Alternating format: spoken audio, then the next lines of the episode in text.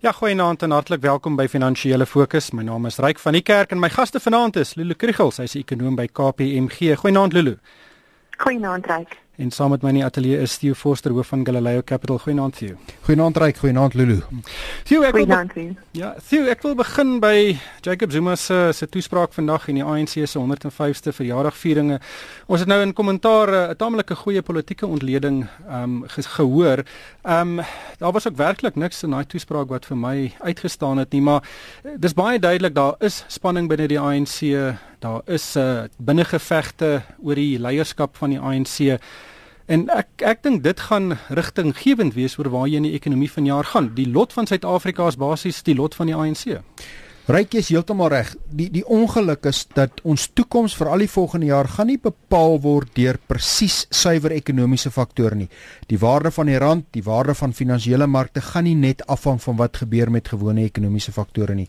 Tot 'n groot mate gaan dit afhang van kom ons sê as as jy gaan kyk na die groot uh goed wat gaan gebeur. Nommer 1, onthou ons het nog steeds die gradering en die graderingsagentskappe wat ons se oog op moet hou. Ons gaan in die middel van die jaar die uitsluiting daarvan kry. En ek dink daar in sy toespraak vandag het die president dit duidelik gemaak dat die gradering is baie belangrik. Suid-Afrika kan dit nie verloor nie. Hy het ook gemeld dat daar sal moet 'n sterk balans wees tussen die ontwikkelingsdoelwitte aan die een kant en die ander kant inklusiewe groei wat hy uitgelig het. Dan het hy gepraat as jy praat van die ekonomie, die mynbou handves en spesifiek die verpligtinge van mynboumaatskappye sal na gekyk moet word. Ons het vroeër gepraat oor die grondhervorming wat hy aangespreek het. En dan as jy kyk iets wat hy genoem het en wat hy die laaste paar weke baie oor gepraat het, is die beheer van die ekonomie. En hy het spesifiek, nou nie vandag nie, maar in die laaste klompie weke het hy begin praat van as jy Duitsland toe gaan, besit en bestuur Duitsers die ekonomie. As jy Amerika toe gaan, besit en bestuur Amerikaners die ekonomie, terwyl in Suid-Afrika is dit nie die geval nie. En dan natuurlik die tema op ekonomiese goed, het hy gepraat van radikale ekonomiese transformasie. En die jammerte is dat dit nie dat ons ekonomiese en markte se lot tot 'n baie groot mate gaan afhang van hoe hierdie hierdie hierdie kom ons sê hierdie opinies binne die ANC uitspeel en die effek daarvan op ekonomiese stabiliteit, op vertroue, op ekonomiese groei, op beleggings en dies meer. Lulu, jou gedagtes? Ja, dit ehm um, ek kan absoluut aansluit wat jy gesê het een van die ander programme wat hy ook nogal redelik onderstreep het en wat deel is van die die transformasie ehm um, tendens is natuurlik die swart nywerheidsprogram. Ja, so dit is iets wat hy duidelik onderstreep het en ook interessant genoeg ook weer eens die kern uh kern uh ontwikkeling van kernenergie en wat hy wel gesê het is dat dit sal plaasvind teen 'n tempo wat bekostigbaar is vir die Suid-Afrikaanse ekonomie. En dit is natuurlik iets wat debatteerbaar is. Ehm um, op hierdie stadium as ons kyk na die groei wat ons verwag, uh dink ek baie van die beplanning wat daar gedoen is rondom elektrisiteitsbehoeftes en so aan sal ons moet gaan weer bekyk en ek weet nie um, ek het dit al van tevore ook op jou program gesê ek weet nog steeds nie of dit sin maak om hierdie roete te volg enigstens vir Suid-Afrika nie. Dit is dit is energie wat kom teen geweldige hoë koste uh, veral in 'n tydperk wat ons sien daar's ander bronne wat al hoe meer toeganklik word al hoe goedkoper en so aan. So ek hoop regtig dit wat hy gesê het rondom dat dit teen 'n tempo gaan gebeur wat bekostigbaar is vir die ekonomie is wel die geval En dan ook interessant, hy het gesê dat uh, dat die ANC verwag dat die ekonomie teen 2.9% kan groei in 2017, iets wat ek dink die meeste analiste, ekonome en ook die internasionale monetaire fonds en almal uh, definitief nie noodwendig van mee saamstem op hierdie stadium sien, dit Max de Preer het in die vorige program baie goed opgesom en gesê, luister, die toespraak is vir hom geskryf. Dis nie 'n leier wat gekom het om dit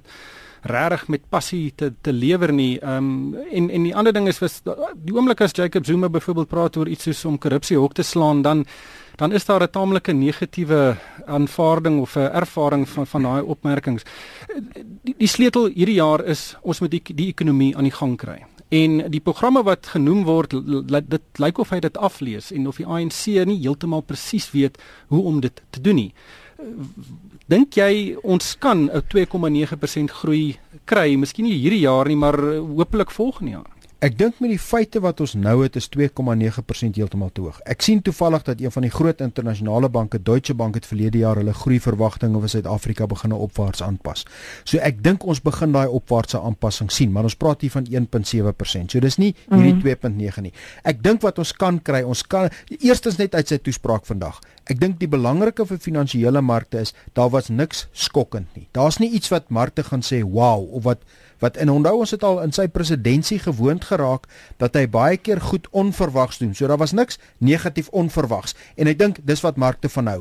Die ander punt is hier's niks in hierdie toespraak wat ons nie reeds weet nie. Dis 'n kwessie van dis elemente wat altyd daar was van die beklemtoning is baie sterk. Ek dink is baie gesond dat hy baie baie sterk klem gelê het op ons moet ons kredietgradering hou. Dis belangrik vir Suid-Afrika want ek dink daar was 'n gevoel beginne wees dat daar's een kamp van die ANC wat baie baie bekommerd daaroor is, maar daar's ander ons wat dit half ignoreer.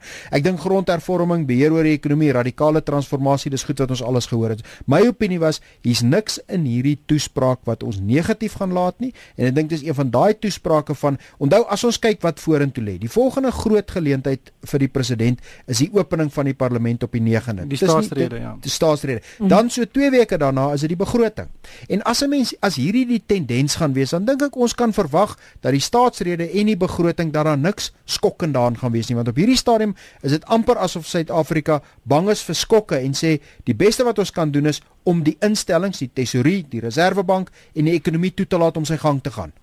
Wel, Lulu, ons het verlede jaar 'n geweldige aantal skokke gesien. Ehm um, mm -hmm. en en en ek dink baie mense is bang daarvoor want markte reageer taamlik heftig op sulke skokke. Uh, Watter impak kan hierdie binnengevegte binne die ANC op ons ekonomie hê? Vir well, hierdie jaar spesifiek. Nou, ek dink as ons kyk na die senderskant wanneer uh, die ANC weer met besluit oor wie hulle volgende presidentsiële kandidaat is. Ehm um, ja, ek dink soos jy gesê het, daar's heelwat wat ons reeds weet en uh ons hoop eintlik dat ons die jaar redelik stil daar kan deurgaan. Dit gaan natuurlik vir groei nie die, die heel beste ding wees nie, maar as ons darm ten minste die grootste golwe of ons eie golwe darm nie kan maak in die proses nie, sal dit goed wees. Uh veral as ons self op hierdie stadium vergelyk met ander ontleikende marke, soos byvoorbeeld Turkye wat in 'n geweldige krisis van hulle eie is. As ons ten minste beter kan doen as dit in terme van uh nie die mark te veel verras nie, uh dan sal dit goed wees.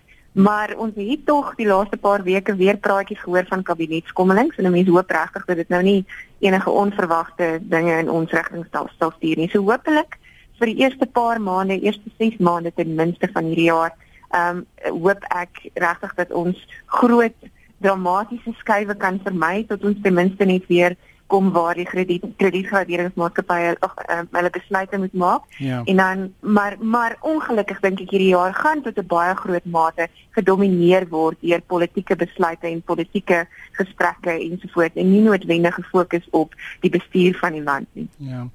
Ehm um, sien ek wil 'n bietjie terugkyk na 2016 toe en ek wil begin met die rand.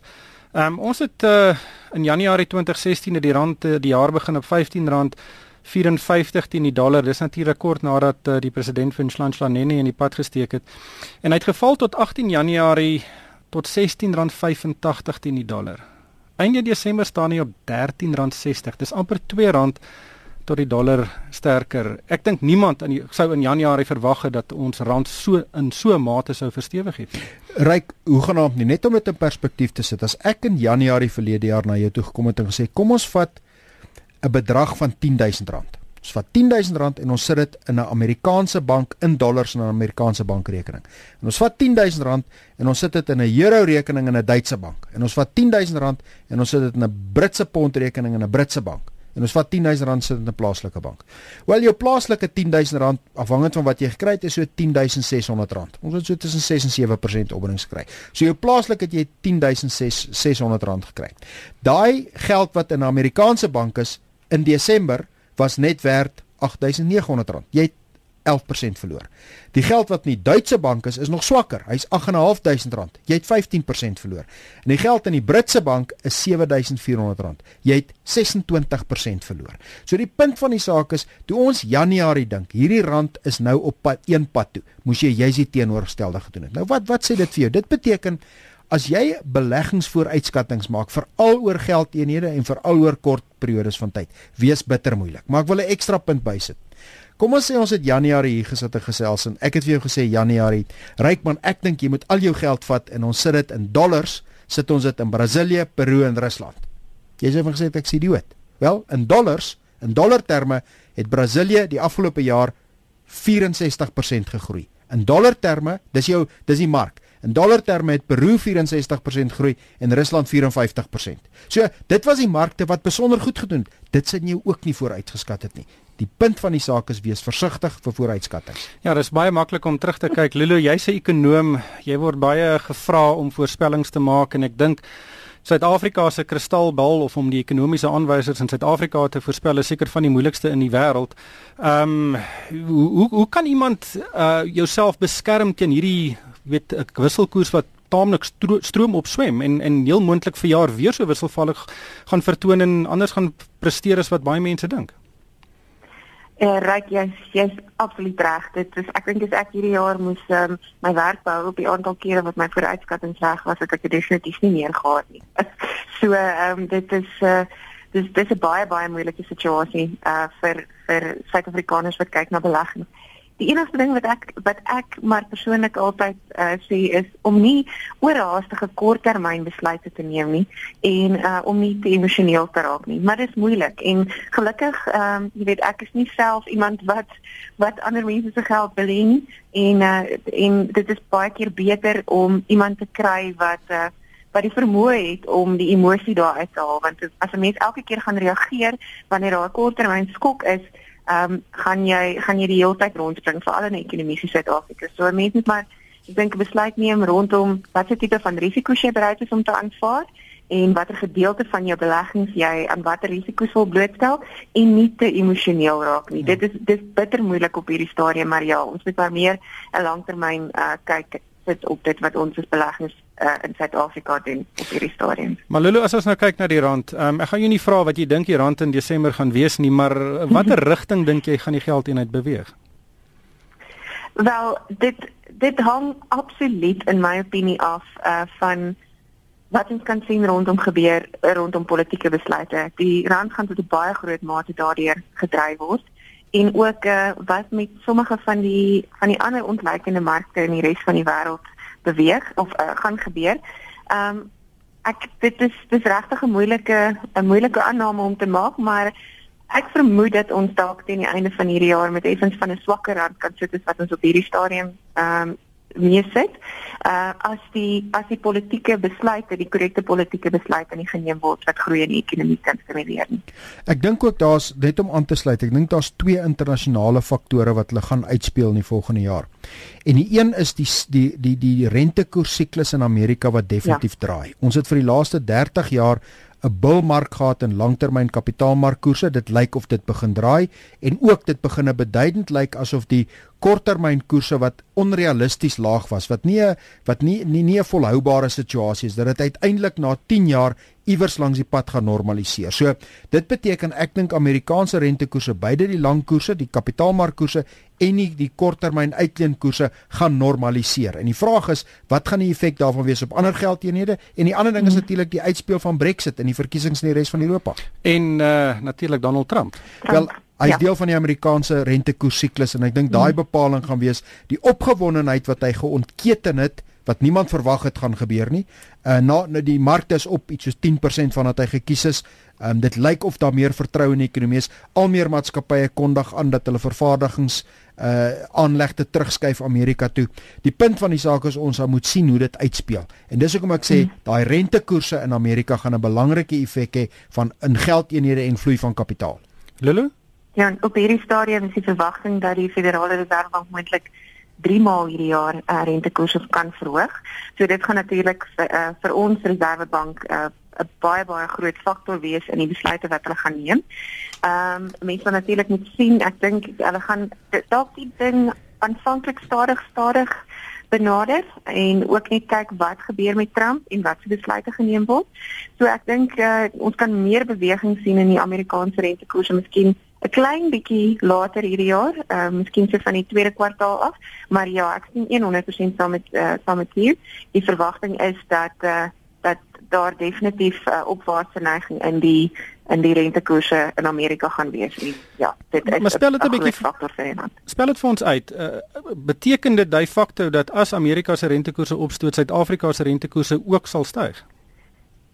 Dit gaan 'n baie belangrike of bydraende faktor moet wees vir die Reservebank want wat gaan gebeur is as ons inflasie bly uh in die rigting waar dit op hierdie stadium is, gaan jy natuurlik sien dat ons die hele rentekoerse uh baie laag gaan wees in vergelyking met uh, Amerika se en wat dan natuurlik uh die uitvloei van geld gaan veroorsaak. Want en om dit in eenvoudige terme te sê uh, uh beleggers kyk na daar waar hulle die meeste opbrengs op hulle geld kan kry en as die rentekoerse in Amerika hoër is kan dit lei tot kapitaal uitvloei uh, na Amerika. Suid-Afrika gaan natuurlik nie noodwendig die enigste land wees nie. Dit gaan enige iemand wees wat met 'n ehm um, 'n redelike lae reële rentekoers uh, sit want dit gaan wees ehm um, 'n uh, wat die wat die inflasiekoers op daardie stadium is teenoor uh, die die rentekoers in daardie land. Ja.